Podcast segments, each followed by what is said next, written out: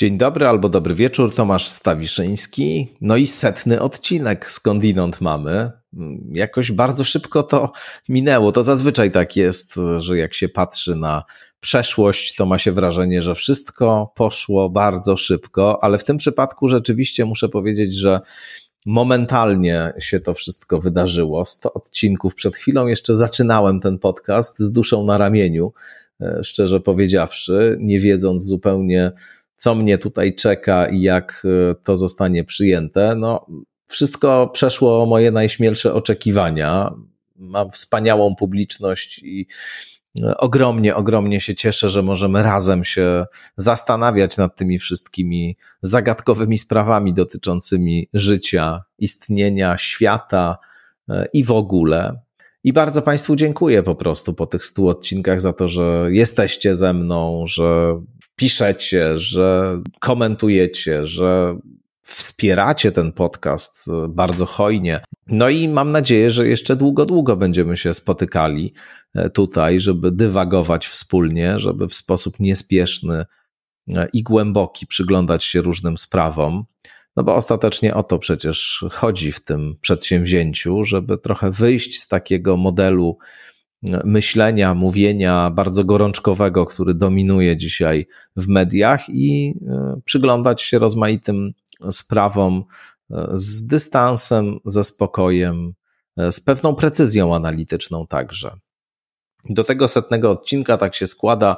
Zaprosiłem profesora Tadeusza Bartosia, znanego Państwu i ze skądinąd, i zapewne nie tylko ze skądinąd. A rozmawiać będziemy właśnie o czymś, co mm, wydaje mi się i w tym podcaście, i dla mnie osobiście jedną z kwestii najważniejszych i najistotniejszych, czyli o wolnym myśleniu, wolnej debacie i wolności słowa. Jakimś pretekstem jest to, że Elon Musk akurat to hasło wolności słowa na sztandar wziął kupując Twitter. Będziemy o tym trochę mówili także w tej rozmowie z Bartosiem za moment, ale przecież nie o Elonie Masku i nie tylko o Twitterze, ale w ogóle o tym miejscu e, debaty, w którym dziś jesteśmy, o tym, co media społecznościowe z nami pod kątem właśnie wolnego myślenia i wolności słowa robią i o szeregu różnych innych kwestii politycznych, społecznych, filozoficznych, także w związku z e, antydogmatyzmem, krytycznym myśleniem dziś rozmawiać będziemy. No to e, raz jeszcze Wam chciałbym naprawdę serdecznie podziękować wszystkim, którzy słuchacie tego podcastu. Chciałbym też bardzo serdecznie oczywiście podziękować patronkom i patronom, subskrybentkom, subskrybentom, wszystkim osobom, które wspierają ten podcast finansowo i dzięki temu umożliwiają jego istnienie. Dzięki, dzięki Wam wszystkim za te hojne wsparcie. No i zachęcam oczywiście do tego, żeby Państwo dołączali do tej grupy wspierającej podcast skądinąd także finansowo, ale wyłącznie jeśli mogą sobie Państwo na to pozwolić. No dobrze, to w setnym odcinku skądinąd profesor Tadeusz Bartoś przed Wami.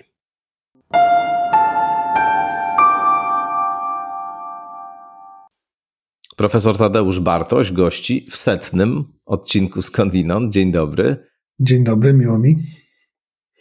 Nie również, zwłaszcza, że tutaj nie pierwszy raz jesteś i mm, fajnie się złożyło, że akurat w setnym odcinku możemy porozmawiać o wolności słowa, o debacie publicznej, o dyskusji, o myśleniu, które jest niepodległe wobec różnych dogmatyzmów. Dzisiaj mówić będziemy, czyli o temacie, który w różnych i Twoich tekstach, i moich tekstach, i naszych rozmowach E, się nieraz e, pojawiał. Pretekstem do tego jest e, informacja o tym, że Elon Musk, ekscentryczny miliarder, za uwaga 44 miliardy dolarów kupił Twittera. Oczywiście ta transakcja no, musi jeszcze przejść różne ewaluacje ze strony rozmaitych instytucji, żeby w pełni dojść do skutku, ale już została, zostały te wstępne akceptacje wszelkie udzielone. Mm, no i e, jedną z wypowiedzi, która bardzo zelektryzowała opinię publiczną, wypowiedzi Ilona Maska, było coś, co on powiedział zaraz na początku, kiedy ta informacja o tym, że Twittera kupuje się, przedostała do, do mediów, mianowicie, że zamierza na Twitterze wolność słowa przywrócić. No i zawrzało wtedy e, i po e, prawej stronie radykalnie prawej, i po lewej, zwłaszcza radykalnie lewej. E, wobec tych słów wiele różnych zarzutów się e, pojawiło. A jak ty w ogóle widzisz wolność słowa dzisiaj w warunkach mediów społecznościowych, w warunkach Twitterów, Facebooków i tak dalej? Co to, co to na dobrą sprawę jest? Mi się wydaje, że trzeba, gdyby chcieć taką bardziej ogólną perspektywę przyjąć, trzeba zobaczyć świat, w którym wolność słowa i sposoby realizacji wolności słowa są przedmiotem dyskusji. To jest kwestia, jak zorganizować optymalnie. To jest kwestia praktycznie techniczno-ideologiczno-wartościowa, jak optymalnie zrealizować y, pewien postulat wolności wypowiedzi. No, trzeba by to zdefiniować, jak to jest, y, to jest inna kwestia, jak, skąd się wzięła postulat wolności wypowiedzi, wolności słowa. To jest historyczne, możemy do tego wrócić. No i mamy cały świat, w którym idea wolności słowa w jakiejkolwiek formie, e, świat autorytarny, w którym jest e, niedopuszczalna i którą się zwalcza. Więc e, Elon Musk, wszyscy właściwie wewnątrz świata zachodniego i, i spór, który tutaj się dokonuje, dotyczy się wewnątrz świata liberalnego, w którym jest kontrowersja dotycząca tego, gdzie są granice wolności słowa, granicami zawsze są, jest kodeks karny, czyli oszczerstwo i tego typu rzeczy. I wewnątrz świata zachodniego zawsze był e, ten spór, ponieważ e, świat zachodni, liberalny, jest e, światem zderzenia się i konfliktu interesów. Tak samo jak rzecz, jak, jak wolność słowa to jest spór o to, kto może więcej powiedzieć i dotrzeć do większej ilości grup, do większej ilości ludzi, większą ilość ludzi przekonać, to na tym polega między innymi. E, to jest jeden z elementów wolności słowa, e, zdolność przyciągania sympatyków, zwolenników. E, no, ale ta sama sytuacja praktycznie istnieje w produkcji przedmiotów konsumpcyjnych. Bo tutaj też chodzi o dotarcie do dużej ilości klientów, przekonanie ich do swojego towaru. Więc e, świat zachodni jest światem skomercjalizowanym, w którym e, słowo też jest towarem. I tak jak myśli się i reguluje się rynki finansowe czy rynki gospodarcze, na przykład przeciwko monopolom, antymonopol, antymonopolowe ustawodawstwo zawsze gdzieś istnieje, czy też e, próbuje się ograniczać takie sytuacje, zwłaszcza tych wielkich korporacji, że nie płacą podatki podatków, ucieczki podatkowe. E, tutaj jest walka między instytucjami e, i biznesem. No tak samo e, wewnątrz świata zachodu, gdzie informacja jest towarem, istnieje też spór o reguły tej wymiany towarowej. W takim modelu proponujesz na to patrzeć.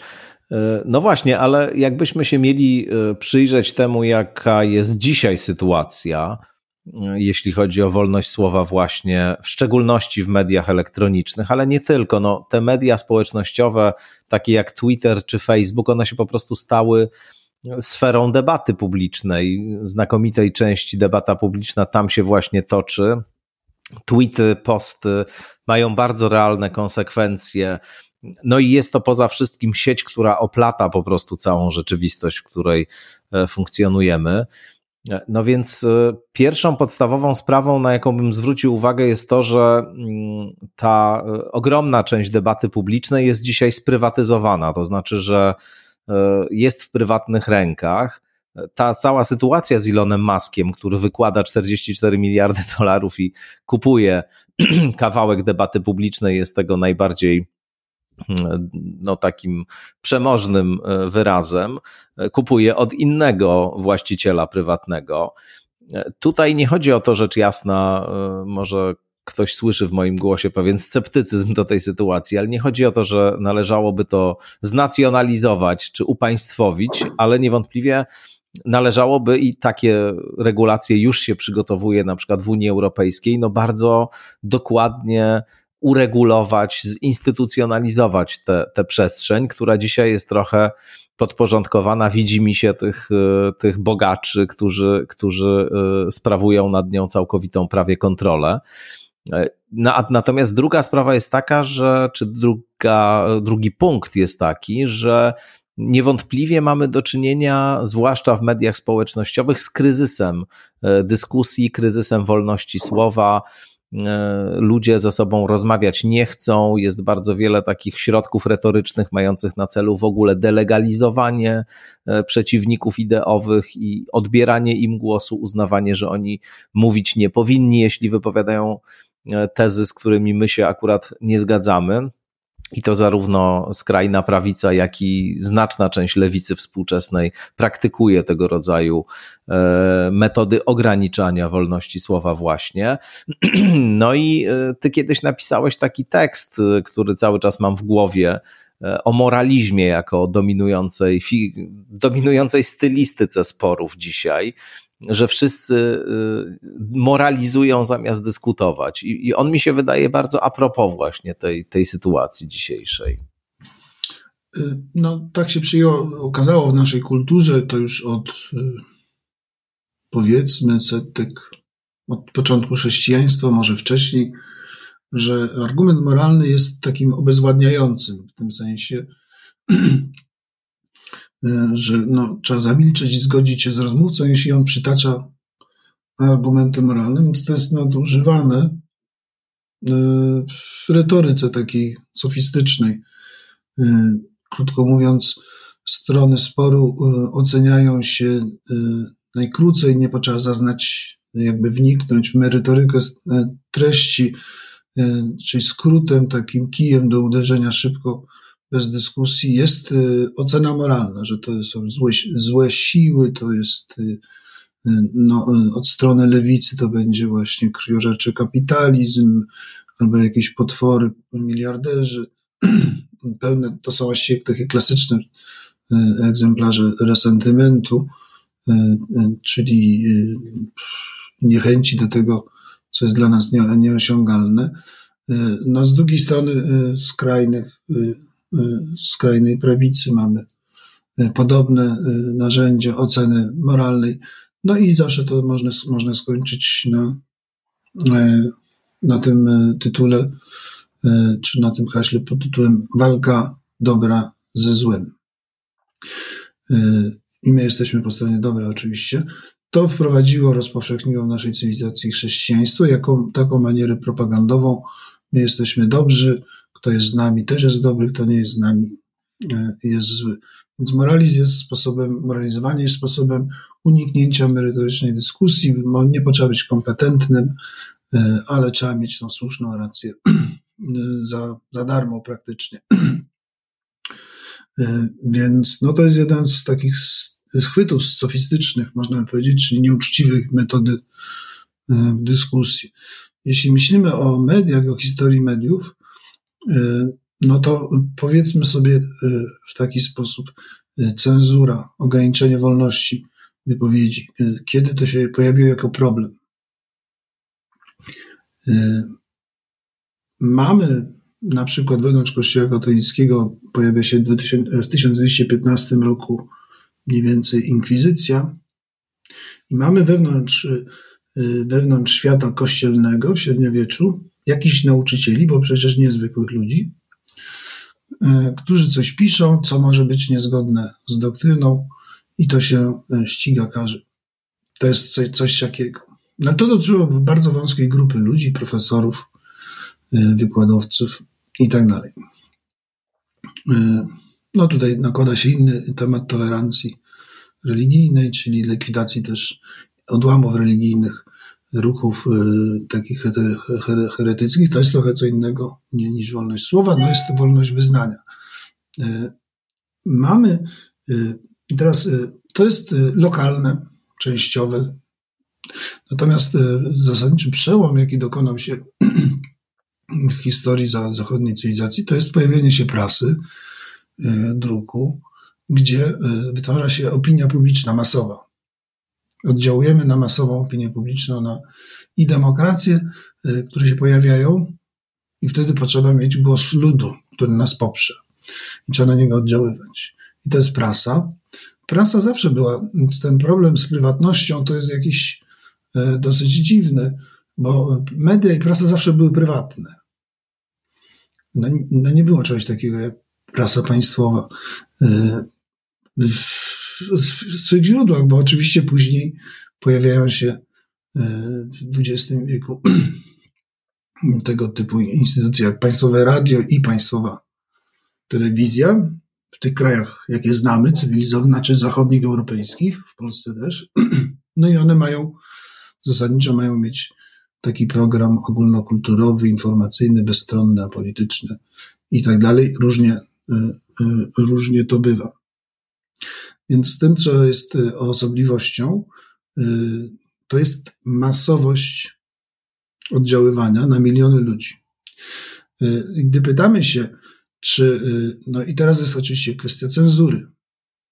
Czy można taką treść wypowiedzieć, czy nie? Są czasopisma, czy historia prasy jest taka, że to są czasopisma, pisma albo prawicowe, albo lewicowe, więc tam jest pewna opcja. Nikt nie mówi, że że jakaś prawicowa, znaczy powiedzmy w Polsce to jest trochę przykład, nie jest dobry, bo w Polsce teraz mamy y, przekształcenie się części mediów takie propagandowe, szczujnie polityczne, no ale gdy mamy klasyczną prawicę y, i klasyczną lewicę, no to tam jest pewna selekcja, jest pewna redakcja, są poglądy redakcji. Y, więc teraz czy ta selekcja, dobór, pewna linia gazety jest cenzurą, czy nie, no można dyskutować, tak czy inaczej, y, tak to jest. Dlatego, że pojawiające, pojawiające się na jakieś gazety poglądy czy postaci oznaczają, że redakcja zgodziła się na publikację tej, y, tego, tej opinii, tego poglądu. Y, to znaczy, że uważa, że jest wartościowy, może go podziela i tak dalej, i tak dalej, więc tutaj same media do dziś nie mają w tym, w tym w tym, jakby to powiedzieć, jasności i reguł e, za bardzo nie mają wyklarowanych. To trochę się rozwiązuje ad hoc.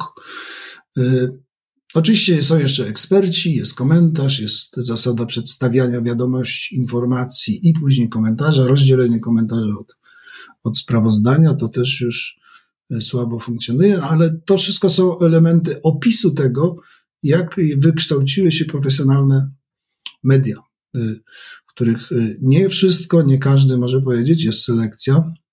Y, gazety mają swoje granice. Nie wszystko, nie każdy może powiedzieć i są tam zasady doboru, są teksty odrzucane, są teksty przyjmowane. I nikt nie będzie mówił, że to jest selekcja, tylko jakaś logiczność, racjonalność. Problemem jest wtedy, kiedy pewne nurty polityczne czy gazetowe są zakazywane.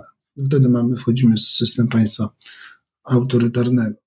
Jeszcze mamy nową sytuację związaną z mediami e, publicznymi, no, z mediami te społecznościowymi, gdzie oto okazuje się, że każdy może mieć na zasadzie równości zabierać, e, wypowiadać się.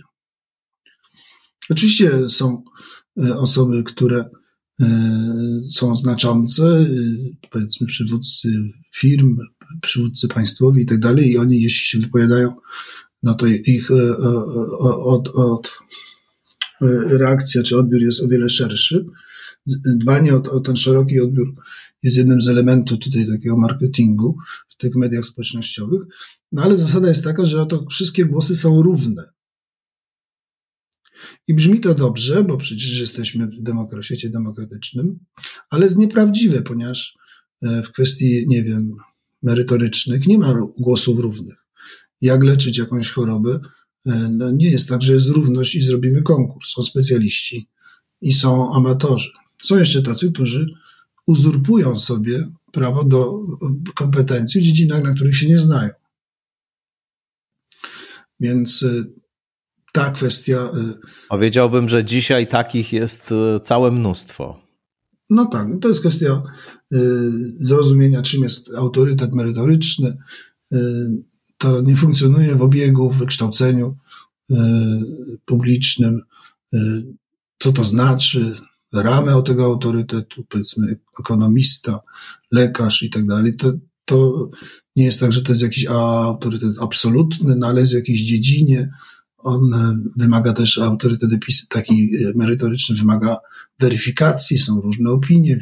Jeśli mówimy o lekarzach, jak leczyć, jak diagnozować, to jest dziedzina wiedzy, która się rozwija, e, która popełnia błędy, ale to nie znaczy, że, e, że na przykład nie ma żadnych autorytetów, bo czasami badania idą w złym kierunku, nie osiągają jakichś rezultatu. Więc ten problem z tym, że każdy jest specjalistą we, wszystkim, podkręcił bardzo y, świat mediów społecznościowych, bo no właśnie y, jakby ustala się wypowiedzi, równość wypowiedzi. To jest pewna fikcja.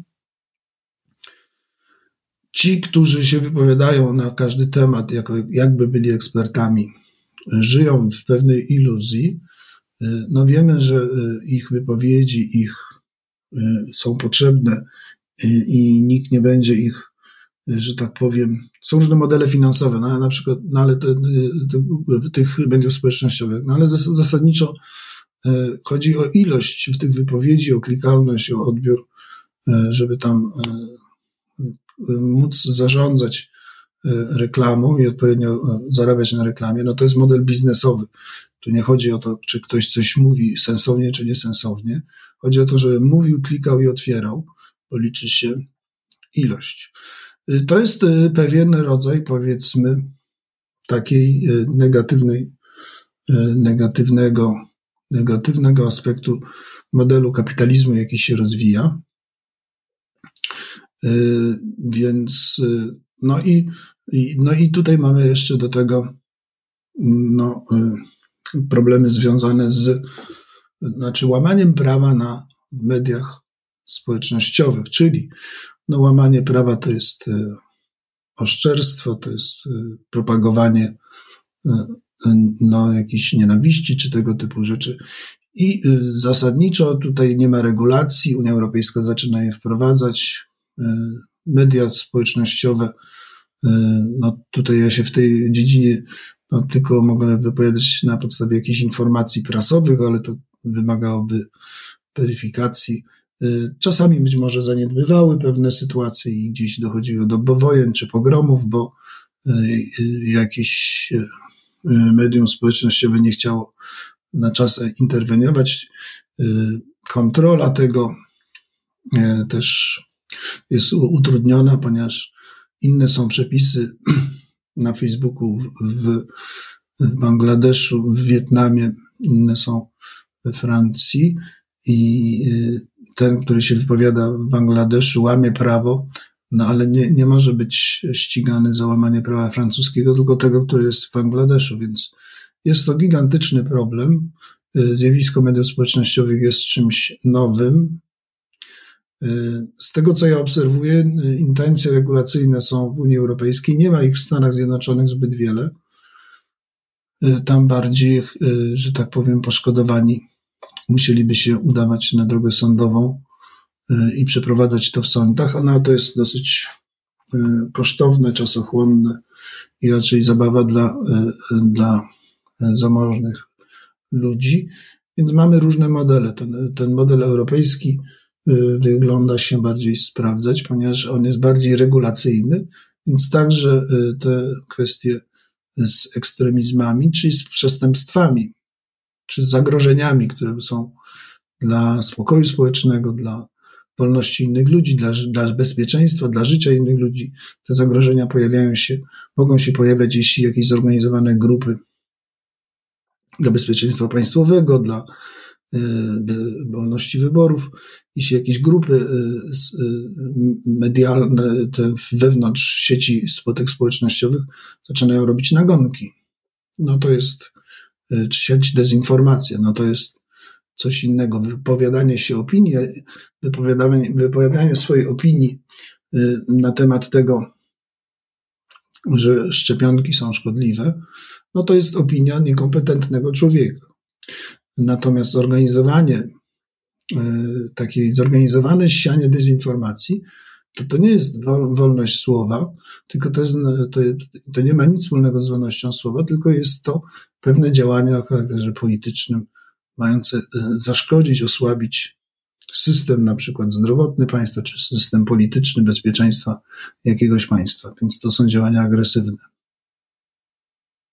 No mamy też zjawisko, mówisz o Europie, ale w Stanach Zjednoczonych też e, kryzys dyskusji, debaty, wolności słowa kwitnie w najlepsze, y, zwłaszcza w y, prestiżowych uczelniach, prestiżowych uniwersytetach, na kampusach uniwersyteckich liczne przykłady wykładowców e, i zwalnianych z uczelni za jakąś wypowiedź, która przez kogoś odebrana została jako, nie wiem, rasistowska, mizoginiczna i tak dalej. Ja nie mówię o realnie rasistowskich wypowiedziach. W przypadku tego typu e, oczywiście sytuacji e, rozmaite środki represji są jak najbardziej uzasadnione, tylko mówię o sytuacjach, które zupełnie nie mają nic wspólnego z tego typu mm, zjawiskami, a bywają tak klasyfikowane przez osoby, które mm, postrzegają na dobrą sprawę każdą opinię, z którą się nie zgadzają, jako coś e, szkodliwego, opresyjnego i używają tego typu określeń do, e, do piętnowania właśnie takich e, wypowiedzi.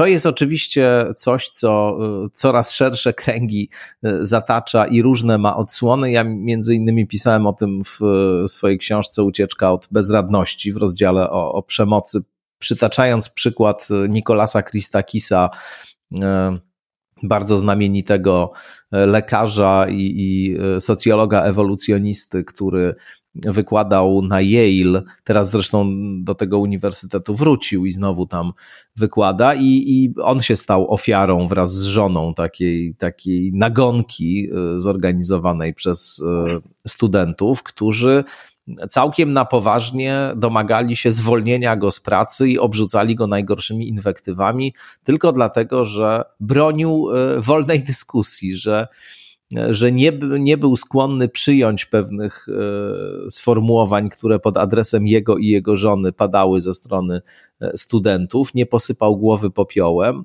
A sytuacja była zupełnie absurdalna, bo, bo chodziło o to, że e, studenci domagali się w pewnym momencie od Eleny Christakis, czyli żony Nikolasa Christakisa, żeby ona jako szefowa do spraw studenckich sformułowała listę takich e, strojów, których nie wolno zakładać studentom podczas e, Halloween. E, w domyśle chodziło o stroje, które mogą być dla rozmaitych grup mniejszościowych jakoś opresyjne w odbiorze. No i ona napisała im: Słuchajcie, jesteście dorośli to nie jest moje zadanie, żeby wam mówić, w co, my, w co wy się macie ubierać i, i co macie e, e, myśleć i jakie reguły macie pomiędzy sobą przyjmować. Usiądźcie, porozmawiajcie, wypracujcie wspólne stanowisko i zróbcie tak, jak wy uważacie. No i to się skończyło zamieszkami na uniwersytecie, więc jakby to jest też coś takiego, co w tym krajobrazie, e, który budujemy, warto uwzględnić. Y, no tak, to jest y, taka y, nowość i źródła są opisywane. Ja nie mam tu kompetencji, żeby stwierdzić, czy, one są wiarygodne.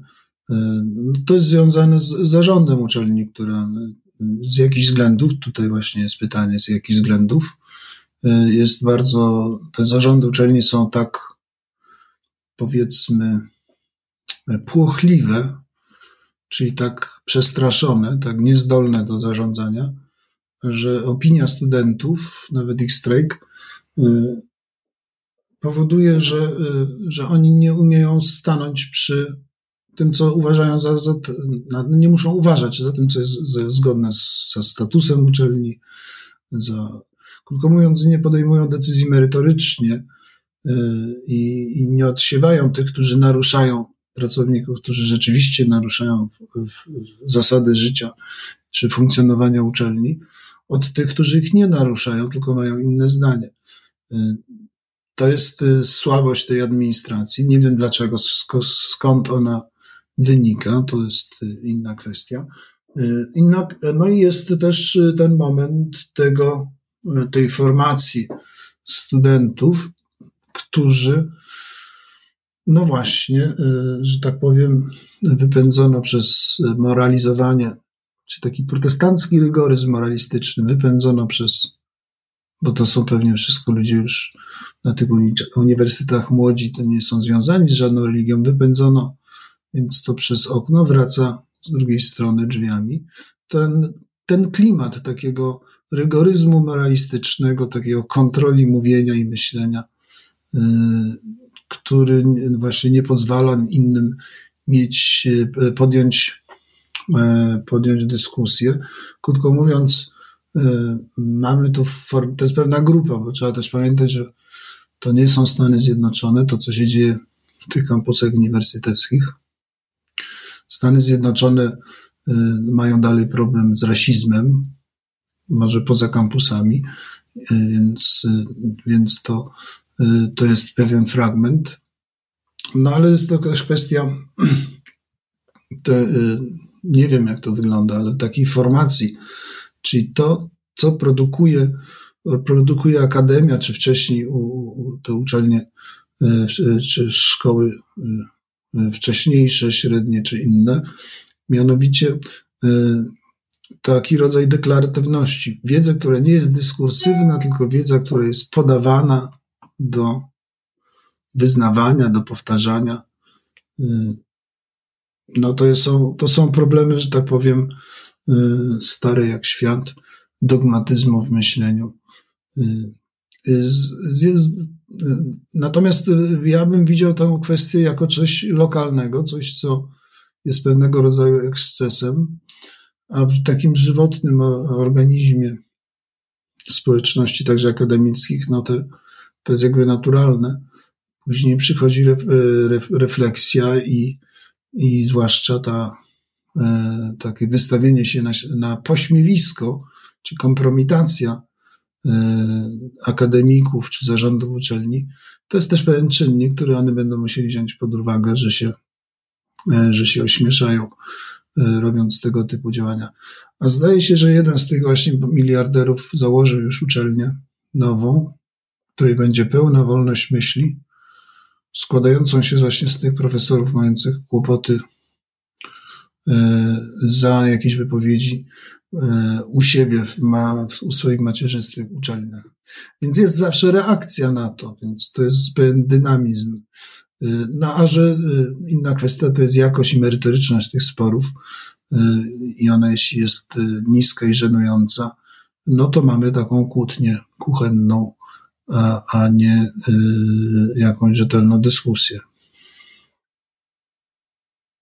To prawda. Czyli widzisz to po prostu jako pewien etap w, takim, w takiej dialektyce, która E, od wolności do ograniczenia, od wolności do ograniczenia przebiega, jak rozumiem. Tak to wygląda. Ja bym na jeszcze... mamy, mamy te media społecznościowe i mamy, y, one są, y, y, eksplodowały w ciągu ostatnich 20 lat i, i regulacje funkcjonowania tych mediów to jest teraz dopiero przychodzi jakakolwiek refleksja, u niektórych większa, u niektórych mniejsza. E, jeśli wytworzono te modele biznesowe tych wielkich kompanii, że one nie płacą podatków, no to teraz po iluś tam latach w Unii Europejskiej przegłosowano, Polska była przeciwko opodatkowaniu tych wielkich kompanii technologicznych procent, e, podatkiem 15%. To samo będzie dotyczyć innych tych dziedzin. E, więc, więc rzeczywiście ta, ten, jeśli przychodzą, a nie muszą, ale w Europie przychodzą regulacje dla, dla tych nowych, zupełnie nowych zjawisk, no to one muszą przyjść po jakimś czasie, nie, nie, nie mogą być od razu, więc ekscesy, dopiero eksces, dopiero coś, co jest społecznie nieakceptowalne, oburza, obu, oburzające, dopiero wtedy w, w reakcji na to E, ci, którzy stanowią prawo, e, wprowadzają nowe przepisy. No tak jest w każdej dziedzinie życia, łącznie z zabójstwem. Jeśli zabójstwo okazało się w pewnym momencie czymś oburzającym, e, no to wprowadzano w cywilizacjach różnych rodzaje zakazów i kar. No właśnie, to jest wątek, o którym już trochę mówiliśmy, o tym, że ta przestrzeń jest z jednej strony nieuregulowana, z drugiej strony już takie regulacje są przygotowywane i, i oczywiście to jest niezbędne, żeby jakiś rodzaj struktury tutaj y, w przestrzeń mediów społecznościowych wprowadzić, no właśnie dlatego, że to jest taka sfera, która bardzo intensywnie oddziałuje na rzeczywistość poza wirtualną, o czym żeśmy się przekonali w ostatnich latach niejednokrotnie, ostatnio na przykład w pandemii, ale myślę, że i wojna też dużo pokazuje na temat tego, jak potężne to jest narzędzie. Mm, ostatecznie bardzo chętnie rozmaite ośrodki propagandowe i służby e, specjalne właśnie z e, tej przestrzeni korzystają, prowadząc wojnę informacyjną, która jest e, pełnoprawnym elementem czy pełnoprawnym pasmem, w którym wojna mm, ta wojna, którą wszyscy obserwujemy, również się toczy. Natomiast tutaj występują też takie zjawiska, które są specyficzne dla samej dziedziny, czy samej struktury właśnie tego, tego, tego obszaru mediów społecznościowych, czyli osławione bańki informacyjne związane z tym, jak pracują algorytmy podsuwające nam określone treści. Można powiedzieć, że to oczywiście jest kwestia związana z komercyjnym wymiarem e, mediów społecznościowych, z tym, że one się stały takim bazarem wielkim, supermarketem, w którym my myślimy, że jesteśmy klientami, a tak naprawdę towarem w nim jesteśmy. Ale że właśnie z tego powodu e, i z powodu działania tych algorytmów, poniekąd jakby sfera informacyjna, w której funkcjonujemy, konstytuuje się dokładnie odwrotnie, aniżeli w edukacji y, do y, krytycznego myślenia ma to miejsce. To znaczy, tutaj jesteśmy przede wszystkim y, otaczani przez ludzi i poglądy, które potwierdzają już przez nas powzięte przekonania.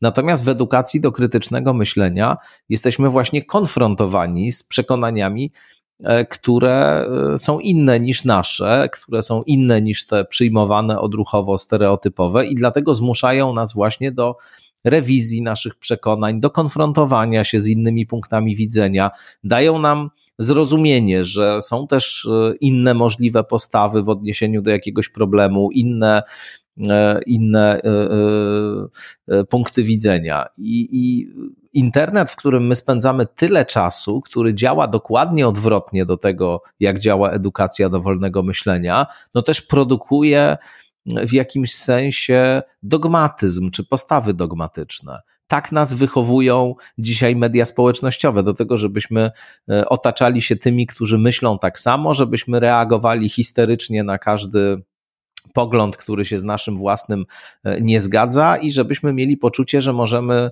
e, jednym ruchem po prostu odciąć się od kogoś, kto rzuca nam jakieś wyzwanie intelektualne. Możemy go skancelować, możemy go zablokować i już po prostu nie mieć z nim w ogóle do czynienia. No, zamiast e, podjąć dyskusję, zamiast potraktować to jako wyzwanie dla naszego punktu widzenia czy obrazu świata, który przecież mógłby ulec jakiejś zmianie czy rewizji. Y, no tak, to są, y, to jest, y, to o czym, o czym mówisz, to jest taka przykra dolegliwość mediów społecznościowych i w ogóle naszego świata, że różne rzeczy, które kiedyś wymagały jakiejś procedury, czasu i tak dalej, dziś można załatwić bardzo szybko i bezmyślnie. Nie, nie wymaga długo czasu, żeby coś opublikować, wpisać. Nie wymaga długo czasu refleksji, żeby kogoś wyłączyć z dyskusji. To są dosyć barbarzyńskie narzędzia. Ta łatwość i szybkość, ten fast food informacyjny, to jest, y, to jest rzeczywiście y, no, takie podglebie dla, dla, dla znaczy propagowania bezmyślności. Druga kwestia to jest to, co już mówiłem, teraz może rozwinę, mianowicie jeśli ja mam gdzieś jakieś konto na jakimś medium społecznościowym, ja tam piszę, no to takie same konto ma, nie wiem, X, Y, przywódcy państw, e, czy, e, czy, czy właściciele wielkich firm, profesorowie, eksperci i tak dalej. I ja tam funkcjonuję jako e, pełno, jakby pełnoprawny uczestnik dyskusji. Co jest iluzją, to jest pewien rodzaj zafałszowania.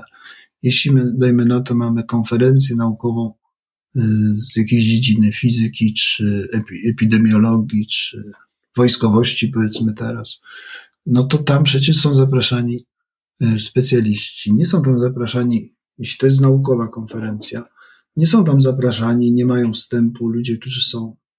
Jest jakaś selekcja. Jedzie się na konferencję naukową, trzeba pokazać że, y, coś tam, że się że tym zajmuje naukowo. Tutaj natomiast y, są eksperci, wszyscy mają, ludzie mają złudzenie, że, że właściwie ich y, pozycja jest, to jest złudzenie, ich pozycja jest taka sama jak innych, a nie jest. Krótko mówiąc, w odniesieniu do tych wszystkich rozmaitych kwestii, które są dyskutowane e, namiętnie publicznie. Przez kilka lat była to kwestia epidemii, teraz wojny. No i jeszcze jest mnóstwo różnych tematów.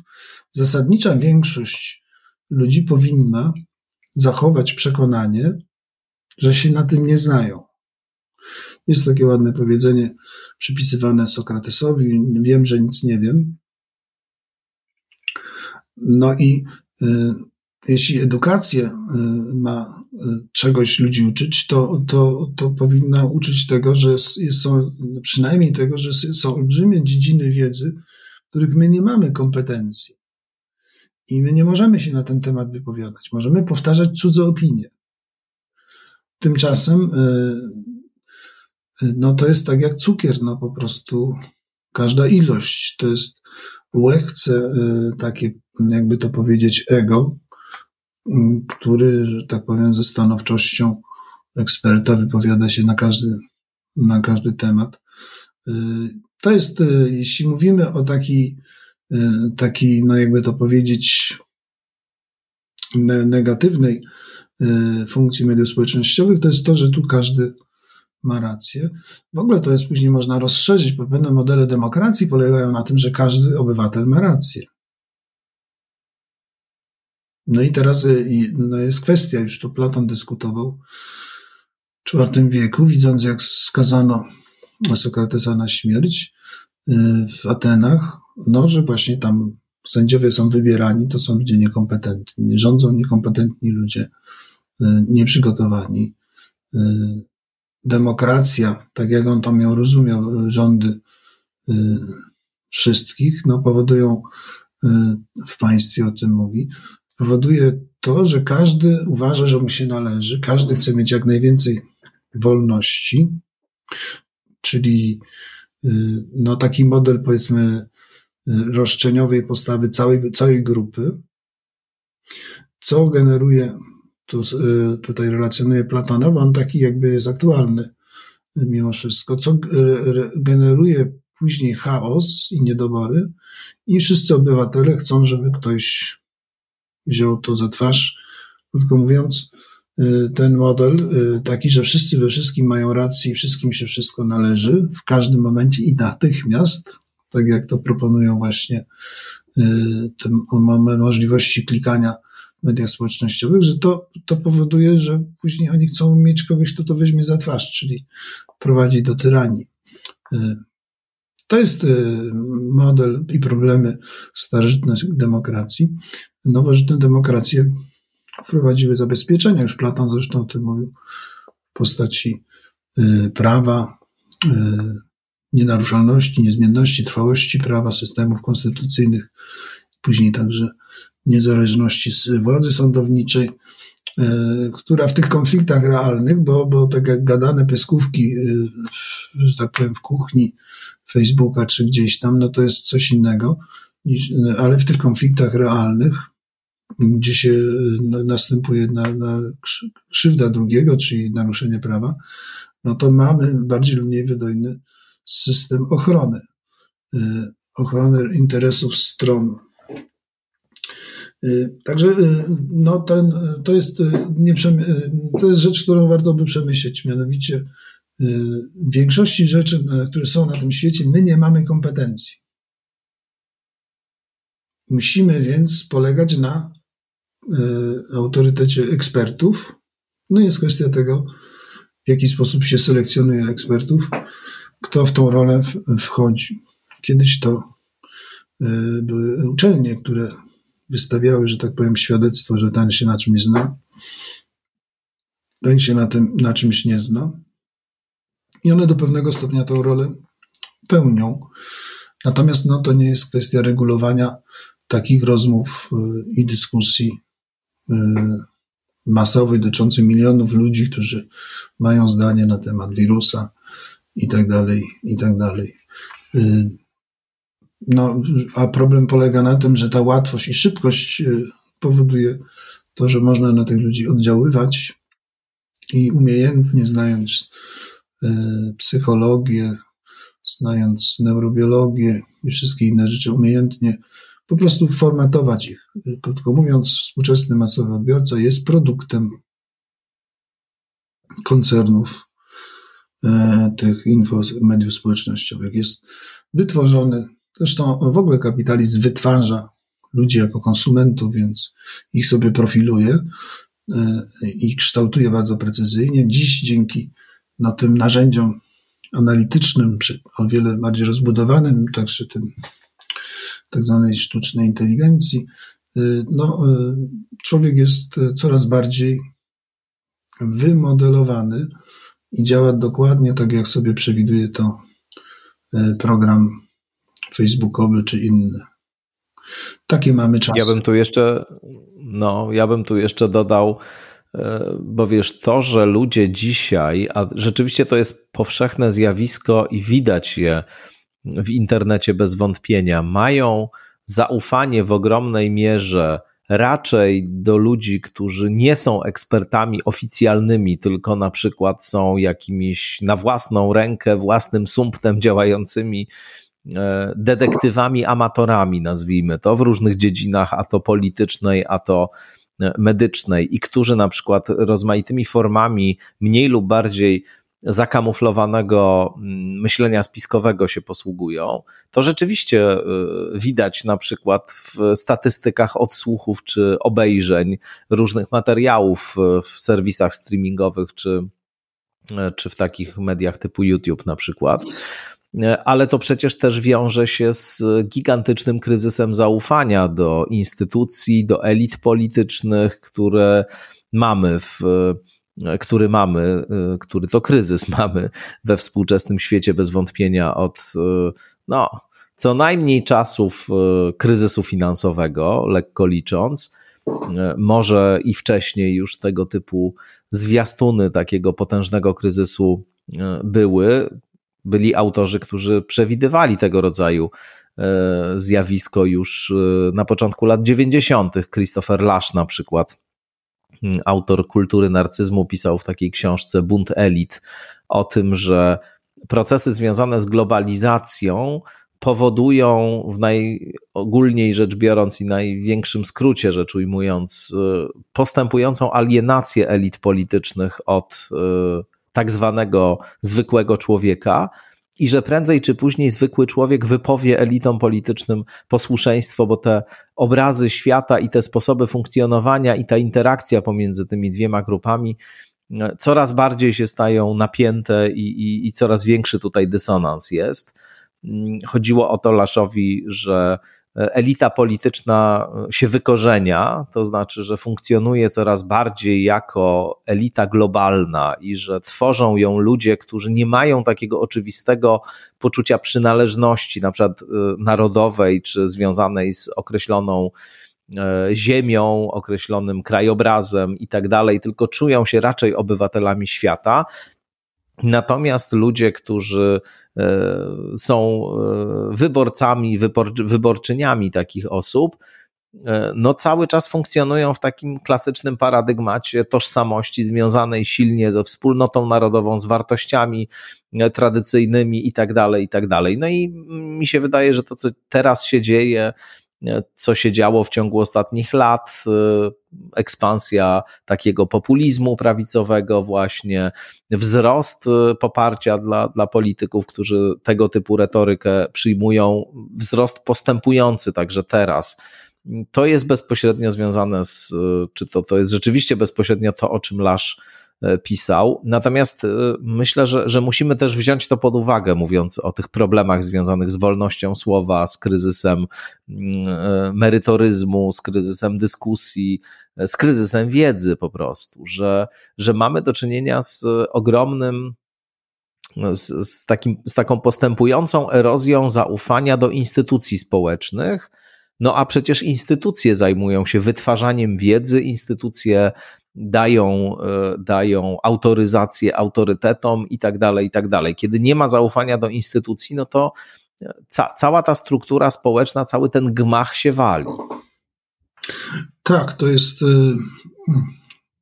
to jest taka, że tak powiem, paradoks i sprzeczność, której, którą trudno komukolwiek e, rozwiązać, ten globalizm i, i lokalność.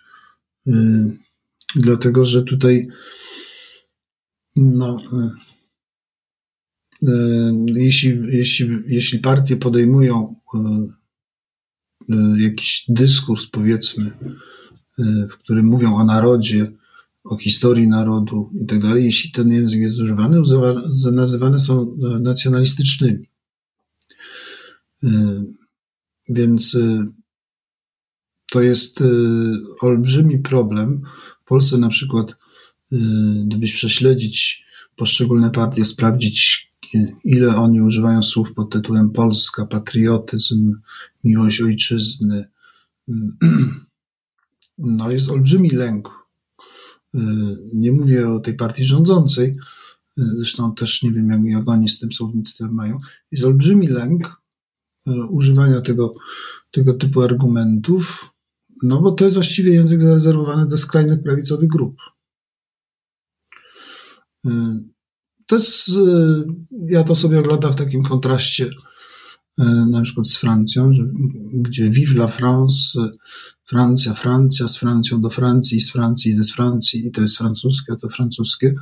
E, no to jest taki moduł, czy maniera mówienia, którą można spotkać wszędzie, że to jest francuskie jabłko, to francuskie to i to francuskie i to francuskie.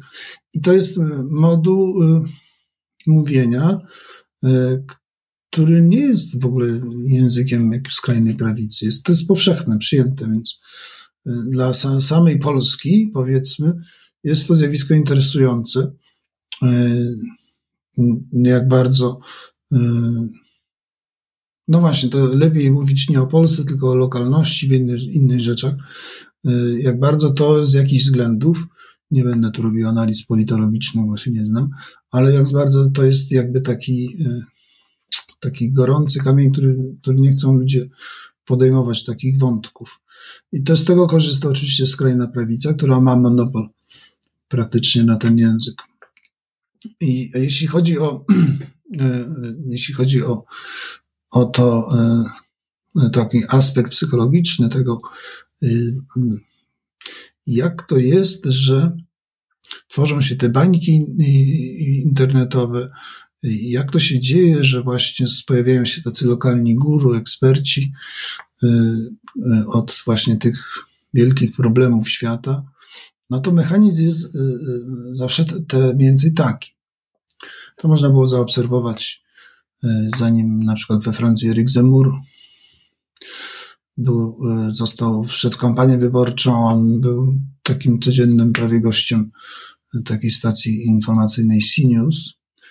No i e, w Polsce zdaje się, nie, nie chcę tych nazwisk używać, bo ja za dużo nie oglądam, a tak e, Michalkiewicz, jeśli on jeszcze funkcjonuje w tych swoich programach YouTube'owych i tak dalej.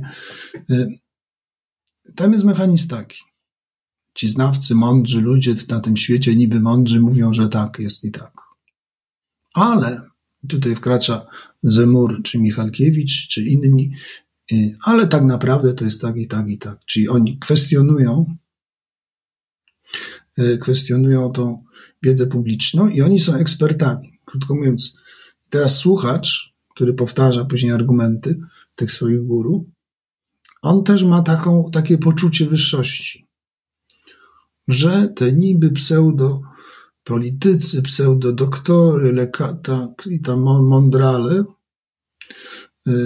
tak się wypowiadają, tak naprawdę to jest zupełnie inaczej. Czyli krótko mówiąc, jest to sposób oddziaływania na ludzi o obniżonym poczuciu wartości, jakiś tam życiowym, którzy kompensują, że tak powiem, te niedobory poczuciem, że wszyscy są głupi, a ja jestem najmądrzejszy.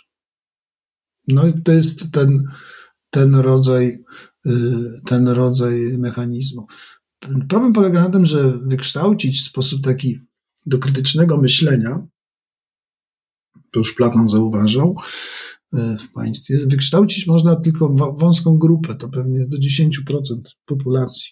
Powiększyć tego się nie da w żadnym państwie nawet w najlepszym państwie, w najlepszym, jeszcze lepszym państwie, y, który ma jeszcze lepszy niż gdziekolwiek system edukacji, nie da się tego, y, tego za bardzo zmienić. Te zmiany mogą dotyczyć, nie wiem, 5% populacji. Tak to jest, że nie da się y, wszystkich nauczyć myślenia krytycznego. W związku z tym no, jest kwestia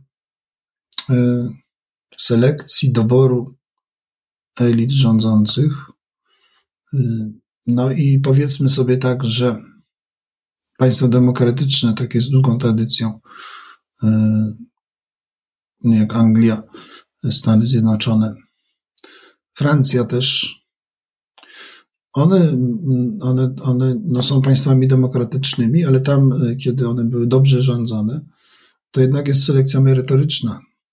Do, czyli rządzą państwami ludzie najwy, najwybitniejsi, kompetentni i tak dalej. To jest ten, e, ludzie tego nie lubią, monopol tak zwanych tych szkół, dobrych szkół i całe sito, przez które przechodzi się w Anglii jest to inaczej. We Francji są państwowe szkoły do niedawna, w tym roku zlikwidowana ENA, Szkoła Administracji, e, która w ogóle do, do, dopuszczała ludzi do pewnych stanowisk w, w biurokracji e, państwowej. Więc, więc no to też trzeba byłoby e, jakby odczarować demokrację. Demokracja to nie jest tak, że wszyscy we wszystkim mają rację i każdy głos jest równie ważny. To jest, to jest karykatura demokracji. Więc e, no, system demokratyczny jest niespójny. On, on chce dawać głos wszystkim, że wszystkich głos jest równie ważny, ale on jest głównie ważny w momencie wyborów, a to nie jest tak, że każdy wszędzie może wszystko robić, bo gdzieś muszą być ludzie, co się znają e, na tym. A to jest selekcja merytoryczna. I często, tak jak e, mówią nasi lewicowcy, często jest ona związana z, z tym kapitałem społecznym, czyli z dobrze wykształconych rodzin, są dobrze wykształconi potomkowie, a, a ci z dołów trudno im się przebić, więc to też jest fakt. Można na to E, można to jakoś zmieniać. Są systemy stypendialne od przecież od dawna, od, od, od, od, od, od początku systemów edukacji. I Platon o tym wiedział, że trzeba także tych zdolniejszych e, z ludu, z rzemiosła brać do tej swojej, swojej elitarnej szkoły. Więc to jest problem cały czas ten sam. Natomiast nie ma e, nie ma zgody, bo nie ma kto, nie miałby kto o tym powiedzieć. Y, Macron na przykład we Francji jest właśnie za elitaryzm, za wynoszenie się, za y, y, cały czas krytykowany, więc on teraz się wije, żeby być blisko ludu. No ale rzecz polega na tym, że zarządzać sensownie państwem, które państwa, które się rozwijają, są zarządzane w miarę, znaczy to różne mogą być skutki, bo to może być, nie wiem, neokolonializm, czy w ogóle kolonializm sensownie zarządzany, ale kolonializm, więc, ale tam są zawsze, e, zawsze sprawne, kompetentne elity, e, które mają władzę i, i robią to, co uważają za słuszne. Więc to jest dwuznaczność w ogóle demokracji. Ona więcej obiecuje niż może dać.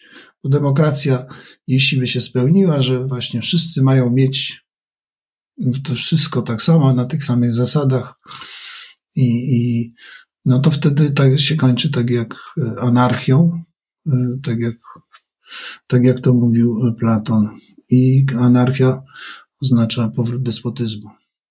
Choć to jest bardzo odmienna epoka, tamte republiki państwa greckie niż dziś. Dziś mamy bardziej złożony ten system zabezpieczeń. No tak, pozostaje na koniec pytanie, co będzie dalej, Twoim zdaniem? Jak będzie to dalej wyglądało? Myślę, że bardzo dużo żeśmy się dowiedzieli o funkcjonowaniu, czy dowiadujemy cały czas o funkcjonowaniu tej sfery informacyjnej, i to już całkowicie zdziera z niej ostatki nimbu niewinności podczas wojny.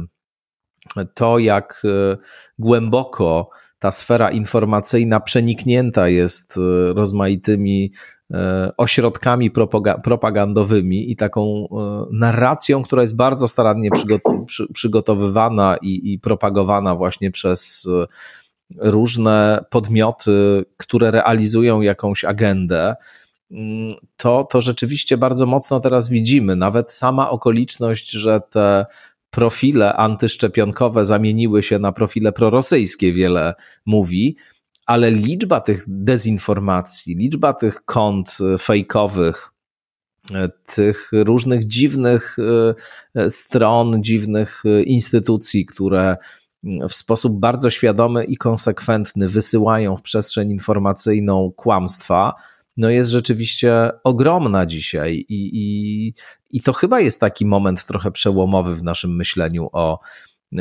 sferze internetu, mediach społecznościowych, takie drugie wielkie rozczarowanie, bo pierwsze już jakoś przeżyliśmy, kiedy internet się tak strasznie skomercjalizował, a miał być przecież taką sferą wolną e, i, i całkowicie niepodległą wobec tych reguł twardych, brutalnych, rynkowych. Tymczasem stał się, można powiedzieć, e, epicentrum tego, e, tego procesu e, eko, ekonomicznego, właśnie. Natomiast z drugiej strony, mm, to wielkie rozczarowanie, które mamy teraz, jest właśnie związane z tą, z tą ilością fałszu, kłamstwa, tak zimno i cynicznie propagowanego tutaj. Co dalej? To zawsze akcja budzi reakcję, więc jeśli medium jest komercjalizowane, traci wiarygodność, pomysłowość nowych ludzi, którzy przyjdą, powoduje, że oni mogą tworzyć coś alternatywnego. Y, więc y, to nie jest koniec świata. Ten, ten dziś, to tak nie będzie zawsze ten stan. Tak jak mówiłem, to czy, czy kwestii rozpoznania prawnego, regulacji prawnej, ale też opinii publicznej. Przecież to wszystko się kręci y, na zasadzie tego, że ludzie to kupują, ale później mogą się zniechęcić. Więc y, także same te wielkie media społecznościowe, widząc, co ludzi drażni, mogą zmieniać swój profil, bardziej zabezpieczać pewne rzeczy. Y, natomiast no, my się wydaje, że nie zmienimy jedynego, że mianowicie to jest opisywane także, nie wiem, w takiej niszowej nauce, cybernetyce, Y, mianowicie, że w, w każdej sytuacji y, takiego sterowania czymś, może to być system sterujący komórką w organizmie, system sterujący y, społecznością, jest taki mechanizm samoregulacji. Mianowicie, jeśli by tych sterujących no bo y, jest jakaś struktura, która polega na tym, że jest stabilność społeczna. Czyli są ci, którzy są sterowani, ta grupa sterująca. Jeśli ta grupa sterująca jest dysfunkcyjna albo rozrasta się za bardzo, y, no to wtedy ona jest nie do zniesienia, powstają bunty wewnątrz tej grupy sterowanej, czyli mas ludzkich. Y, I następuje korekta. Jeśli znów zacznie się tych ekspertów czy specjalistów od sterowania procesami społecznymi, gospodarczymi tępić, to powstaje chaos i znów musi nastąpić korekta i zwiększenie tych. Więc to jest, jesteśmy w sytuacji takiej, powiedzmy, heraklitejskiej e, sporów kosmicznego, w którym, spo, społecznego, w którym różne rzeczy się na bieżąco wypracowuje i systemy, i systemy regulacji działają, ale to niestety oznacza także, że że za, zapaści, że, że także wojny, że tąpnięcia, że ekscesy y, y, no, są naturalną formą bycia gatunku ludzkiego I, I te ekscesy, jeśli gatunek ludzki chce przetrwać, a, a ma dużą tendencję, żeby chciał, ekscesy później są korygowane, regulowane. Więc, y, więc tak to wygląda.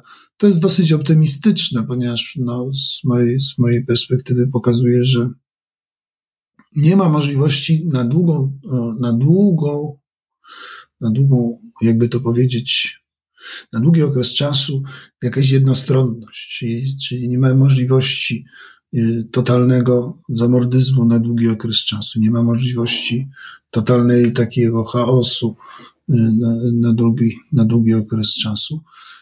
No ale mm, nie zmienia to tego, co to jest, że tak powiem, ukute XX wieku pojęcie mas, Y, i tego, czym są masy, jak się nimi steruje. Dziś to jest. Tego, tej sytuacji nie zmienimy prawdopodobnie, czyli tego 80% y, populacji, która jest sterowana. Może być sterowana lepiej lub gorzej. No system edukacji też jest jakimś systemem sterowania, więc można różnie y, ludzi edukować. 90% budżetu, tak słyszałem kiedyś na wykładach E, Cesarstwa Rzymskiego e, szło, zgadnij na co, Tomaszu. Nie mam zielonego pojęcia.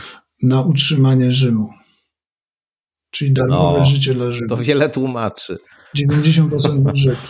I to cesarzowie musieli robić w pewnym momencie historycznym, bo przecież to jest długa historia, ale w tym centralnym, nie, nie, nie w okresie upadku, bo kiedy już to się rozpadało wszystko, e, ale w tym centralnym, w pierwszym, drugim, trzecim, pierwszym, drugim wieku 90%.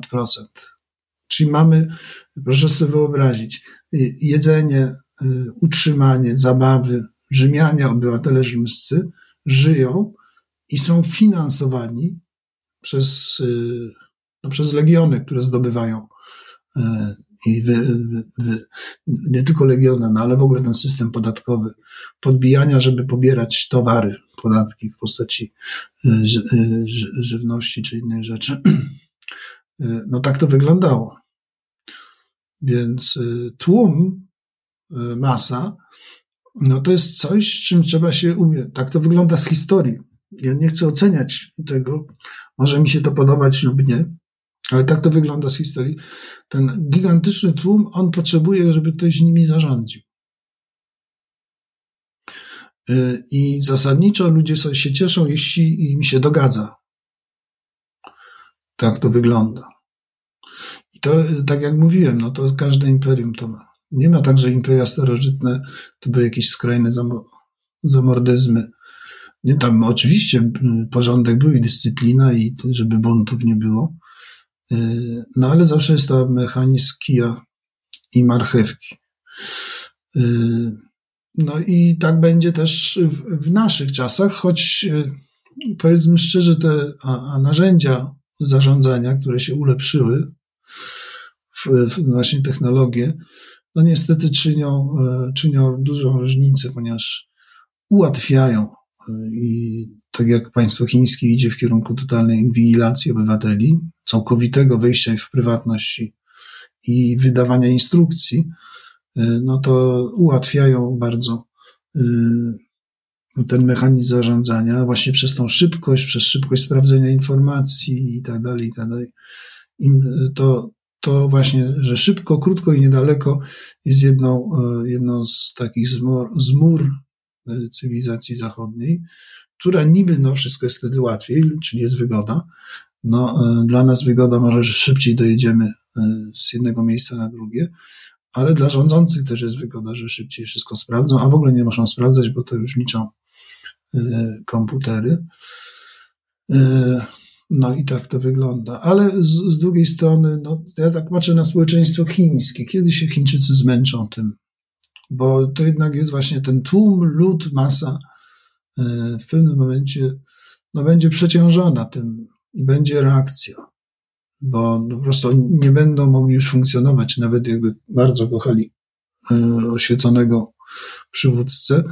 Są też takie, nie, jakby to powiedzieć, niewydolność e, społeczna, psychologiczna, więc te systemy bardzo silnie autorytarne, dziś inwigilujące, one są o tyle nietrwałe, że przynajmniej muszą balansować, muszą raz bardziej przykręcać śrubę, a raz dawać więcej wolności, bo no nie da się. Muszą te, te masy muszą pracować i wydajnie właśnie na rzecz tego, y, tej, tej centrali sterującej, czy to będą rządy demokratyczne, czy autorytarne. Ta funkcja sterująca jest y, podobna, choć przecież wolimy, żeby były demokratyczne. Y, demokratyczne w sensie tego, żeby jednostka miała możliwość obrony siebie przed samowolą, bo na tym polega istota systemu liberalnego, że jednostka ma możliwość skutecznego obrony, obrony swoich praw. Także przez wolność wypowiedzi, y, także przez y, ochronę praw y, społecznych, takich, siakich, majątkowych i tak dalej, i tak dalej. Bardzo Ci dziękuję za tą rozmowę. Profesor Tadeusz Bartoś był Państwa gościem. Dzięki Tadeuszu. Dziękuję bardzo. Do zobaczenia. I Państwu też dziękuję oczywiście, no i zachęcam do słuchania skądinąd. Do usłyszenia.